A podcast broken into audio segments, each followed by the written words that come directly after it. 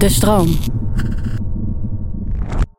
Toen dacht ik, wat zit er nog meer voor supers in de natuurkunde? Heel veel. Supersymmetrie. Nee, dat, dingen die ik kan kennen. Hè? Nou ja, Ik kon maar één ding bedenken.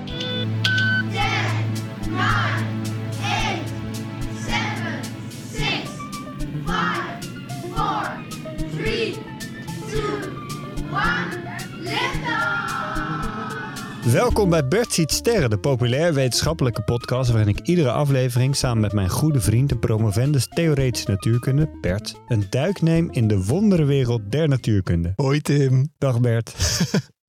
Hoe gaat het met je? Nou goed, er gebeuren allemaal leuke dingen vandaag. Ik eh, was net bij de Jumbo. Even een banaantje en een eh croissantje halen. Voordat we hier naartoe gingen. Eh, Je mag geen Jumbo zeggen. oh, ik was net bij een, een niet nader te noemen supermarkt om een banaantje en een croissantje te halen. En even wat energie eh, te scoren voordat Zoals naartoe Kees zegt, de gele supermarkt. De gele supermarkt. En toen eh, kreeg ik een controle of ik wel al mijn, al mijn artikelen gescand had. Maar een croissant kan je niet eens scannen. Dus toen had ik een, een ja, aankoop van 60 cent. Toen moest hij mijn banaan scannen. En toen zei hij, steekproef geslaagd. Nou, dat vond ik heel leuk. Dat soort dingen maken mij dan blij op zo'n dag. Man, dan had ik maar meer van jouw genietgen. Nou, was toch lachen? Ik bedoel, zo'n gast moet ook wel denken van, ja, wat is dit nou weer voor... ja, nou, dat, eh normaal gesproken. Dan, eh, ik heb ook wel eens dat tegenovergestelde gehad. Jij komt niet zo vaak in de Jumbo, of wel? In de gele supermarkt. Ja, nee, dat dan weer wel. Ehm, nou, ik ben blij dat jullie, eh, of dat jij het ook, ik ben blij dat jij het ook zo'n leuk, leuk verhaal vindt. Nee, weet je wat het ding is? Ik word altijd gecontroleerd daar. Ik word helemaal gek. Ja, nou ja. Oh ja. Maar nou, ik niet. Maar dan word ik een keer gecontroleerd. Dan heb ik één banaan die die kan scannen. Dat is toch lachen? Ja, maar goed. Eh, het is wel een leuk bruggetje naar... hoe, hoe, hoe, hoe. Nou, Ik ben heel benieuwd. Nee, daar, daarom draag ik de onderwerp, daarom doe ik het praten een beetje en jij de inhoud. Jij noemde een niet nader te noemen supermarkt. Mhm. Vorige week hadden we het over de supersonische boom. Ja. Toen dacht ik, wat zit er nog meer voor supers in de natuurkunde? Heel veel. Supersymmetrie. Nee, dat, dingen die ik kan kennen. Hè? Oh ja. Ik kon maar één ding bedenken. eh, dat was supergeleiding. Oeh. Nou, daar, eh, daar word, ik, eh, word, ik wel, eh, word ik wel warm van. Ja, maar jij wordt ook warm van het scannen van een banaan in de supermarkt. Die lat ligt niet heel hoog. Nee, maar dat, dat maakt niet uit. Ik wil het graag hebben over supergeleiding. Ja, wat, wat ik het ene, of tenminste wat ik daarvan weet, ik heb dat wel eens gezien toen ik nog televisieprogrammamaker was. Ja, in een vorig leven. Toen hadden we, maakte ik een quiz voor kinderen. En daar hadden we de finale week, pakten we echt uit. En hadden we een of andere Delftse professor gevraagd om een demonstratie te geven met supergeleidingen. Dat ging uiteindelijk, was het de vraag naar magneet. Maar ik weet dus dat je een zwevende magneettrein kunt creëren met supergeleiding. Ja. Door stikstof ergens overheen te gieten. Ja, over die magneet. Eh, dus de vraag. Ja. Wat is supergeleiding eigenlijk? Supergeleiding is een speciale toestand van een geleider. Waardoor er geen magneetveld meer binnen kan. Waardoor het zeg maar, blijft zweven in een magneetveld. En waardoor er eh, geen energie verloren wordt als je stroom gaat, eh, gaat rond, eh, rondsturen. Want dat, dat treintje dat je ziet zweven, Ja. dat wordt opgesloten in een magneetveld. Ja, zo kan je het eigenlijk wel zien. Dus het is een beetje vergelijkbaar met bijvoorbeeld een, een pingpongbal die je laat zweven boven een, boven een föhn. Behalve dat het dan nu... Dat het werkt. Ja, is dat dit nou ook. een sneer naar mijn Rube Goldberg machine? eh, ja, ik weet dat jij dit inderdaad eh, geprobeerd hebt om eh, in, je- in jouw superkettingreactie waarmee je de festivals afstruint dat het vaak misgaat. Maar het zou moeten werken, ook met een pingpongbal. Voor de mensen die dat niet gezien hebben, ik kan me bijna niet voorstellen. Als je thuis een föhn hebt en een pingpongbal, is het wel echt lachen om te doen. Want als je die omhoog richt en je gooit de pingpongbal erin, dan blijft die gewoon in de lucht hangen. Maar dat is dus ook, dat is ook het principe van de supergeleider.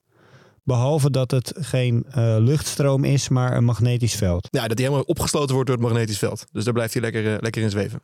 Ja, en je zei dat het elektrische Stroom kan geleiden zonder, zonder energie erbij te verliezen. Dus het is eigenlijk een supergeleider, daarom heet het ook zo. Dus je kan gewoon oneindig stroomrondjes laten gaan zonder dat er energie verloren gaat.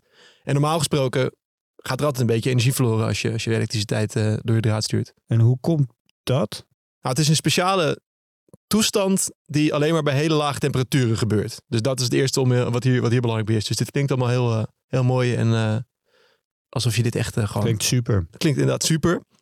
Maar je moet echt, nou voor heel veel metalen moet je echt in de buurt komen van het absolute nulpunt. Min 273 graden Celsius. Oftewel, 15. precies. Oftewel 0 Kelvin.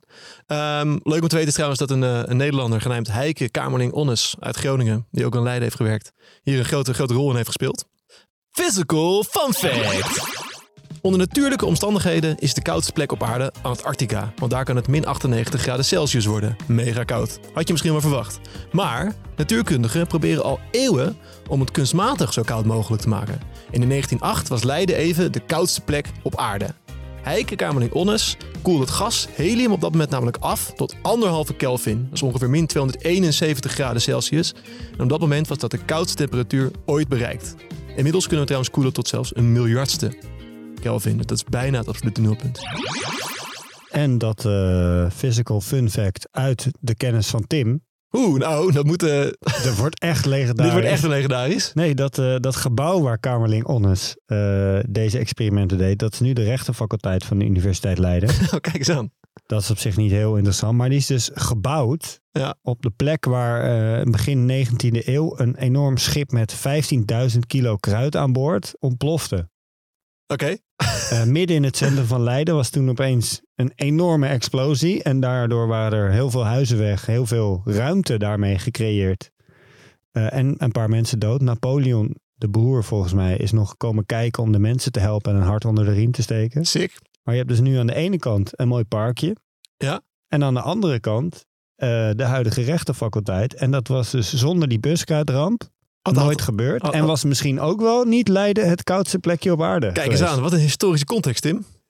is toch leuk hè? Zeker. Ik heb er afgelopen zondag nog langs gevaren. Nou man, je wel zo lekker, lekker in heel Nederland aan het rondvaren. Ja, heerlijk.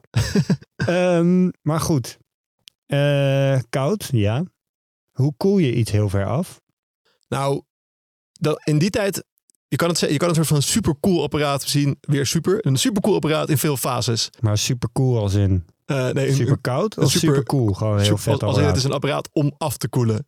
En het is niet Dus zomaar... K-O-E-L. Precies. Niet zomaar een koelkastje, want het belangrijkste, ja, het is best een ingenieus eh, principe. Het heeft te maken met de druk.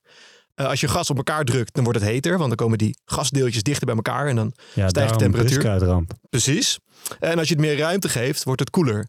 En je kan hele ingenieuze apparaten bedenken waarbij je dan heel slim een gas samenperst en dan weer meer ruimte geeft op een plek waar er juist geen eh, warmte uit kan. En dan kan je het vervolgens weer laten interacteren met een ander gas, waardoor het wat warmte aan het andere gas geeft. En dan in een soort van cirkels laten lopen, waardoor je het steeds een stapje lager krijgt. Eh, en op die manier kan je het dan steeds kouder maken. Is dat ook hoe een koelkast werkt, maar dan even meer? Nou, nee, een koelkast heeft, werkt echt wel met één koelvloeistof om het onder een bepaalde temperatuur te krijgen. Dus ik denk dat dat wel echt een ander principe is. Maar met de koelkast krijg je het ook niet zomaar op min 270 graden Celsius. En dit was trouwens wel wat ik nu beschrijf, hoe Kamerling Onnes dat deed eh, in eh, 1910. Nu kan het beter. Nu zal dat vast wel weer slimmer kunnen, want hè, vooruitgang en zo.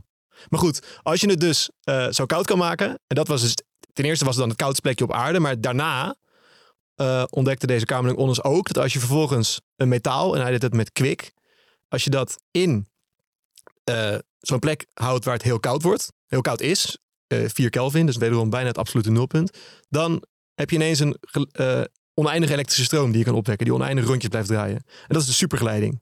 Dus, maar stel even voor mijn beeld, je legt bijvoorbeeld een, een, een stroomdraad Ja. in een hele koude ruimte. Ja. In een ke- cirkeltje en je doet er één keer stroom in, dan blijft het eeuwig rondgaan. Ja, sick toch? Dat is wel sick. En, en kan je daar iets mee? het is gewoon best wel handig om eh, stroom te kunnen vervoeren zonder energieverlies. Eh, dat is bijvoorbeeld iets wat, eh, wat we nu niet kunnen. Dus dat, dat, dat, is- dat is gewoon best wel nuttig. Want het is zo, zeg maar, stel nou er wordt, ik noem maar wat hè, 100.000 watt opgewekt in een Ja. e- elektriciteitscentrale. Ja. Het gaat dan via hoogspanningsleidingen naar mijn huis. Precies. En dan verlies je een paar procent. Als je dat bij een elektri- elektriciteitscentrale doet, is het één ding. Maar op het moment dat je het de halve wereld over wil doen, bijvoorbeeld door eh, de hele woestijn eh, vol te knallen met zonnepanelen, dan ga je wel meer verliezen. Want hoe groter de afstand, hoe meer je gaat verliezen. Dus dan zou het wel handig zijn als dat gewoon zonder enig verlies kan. Dat is een van de dingen. Maar met supergeleiders kan je ook, weet ik wel, mega snelle computers maken. Omdat, eh, omdat daar ook allemaal warmte ontstaat en, en Oh ja. Die elektrische stroom eh, steeds een beetje weerstand ondervindt. Maar is het niet nog minder efficiënt om een super koude kamer te bouwen waar je die computer in zet? Eh, zeker. En dat is ook de reden waarom er heel veel onderzoek wordt gedaan in de toegepaste natuurkunde naar supergeleiders die op een hogere temperatuur werken dan alleen maar met die, die, die 4,2 graden Kelvin eh, die, waar het ook mee begon. Dus het is een soort van race van, van toegepaste natuurkundigen om steeds op hogere temperaturen dit principe te kunnen laten werken, zodat je het op een gegeven moment ook echt kan gaan gebruiken. Want nog even, hoe komt het dat supergeleiders geen wrijving hebben?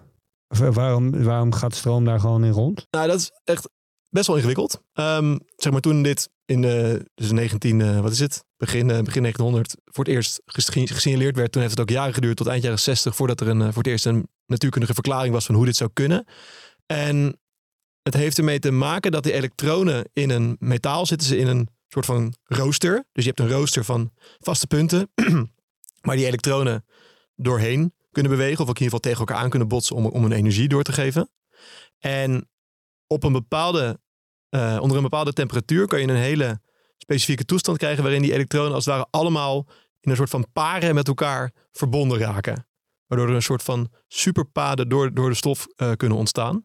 Eh, dat is een hele specifieke soort van, eh, ik zou zeggen, delicate toestand. Want zodra je de temperatuur gaat verhogen, dan gaan die elektronen weer trillen. En dan raken ze eigenlijk hun mooie paarvorming weer kwijt. Dat is denk ik de manier hoe je dit het beste kan begrijpen. Dus elektronen die soort van allemaal met elkaar verbonden raken eh, in een bepaalde paren. En op het moment dat je dan de temperatuur omhoog gooit, dan verdwijnt dat weer. En dan, eh, dan ben je de. Kouder maakt niet uit, want dan staan ze al stil, zeg maar. Ja, dan gaan ze niet hard. Nee, het gaat erom dat er een bepaalde drempel is waarboven ze weer die mooie paarbindingen gaan verbreken met elkaar. En dan krijg je een soort supersnelwegen waar het... Maar het is echt nul. Het is niet supergeleider als in heel goed, maar het is gewoon Nul. Je kan gewoon hopsa doorpompen.